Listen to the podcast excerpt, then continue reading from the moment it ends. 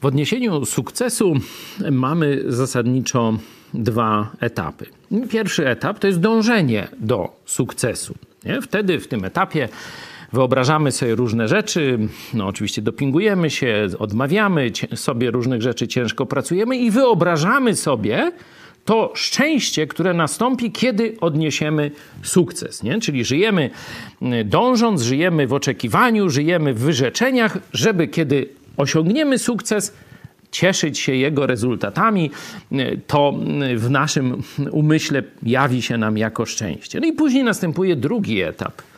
Niestety ten drugi etap jest często bardzo rozczarowujący. Osiągamy to, o, o czymśmy marzyli. Osiągamy ten, i tu już każdy niech sobie sam zdefiniuje, sukces. I co się wtedy dzieje? Oczywiście jest na początku jakaś euforia, wreszcie skończyło się i tak dalej, ale zaraz potem, bardzo blisko, niestety, za blisko, taki na moje wrażenie, pojawia się rozczarowanie. To jednak nie to. To jednak trzeba czegoś jeszcze poszukać w życiu.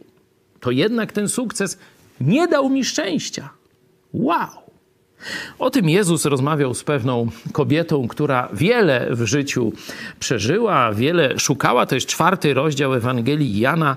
I Jezus mówi właśnie o tym aspekcie szukania szczęścia poprzez sukces na tej niwie naszego życia materialnego. Mówi: Kto pije tę wodę, znowu pragnąć będzie.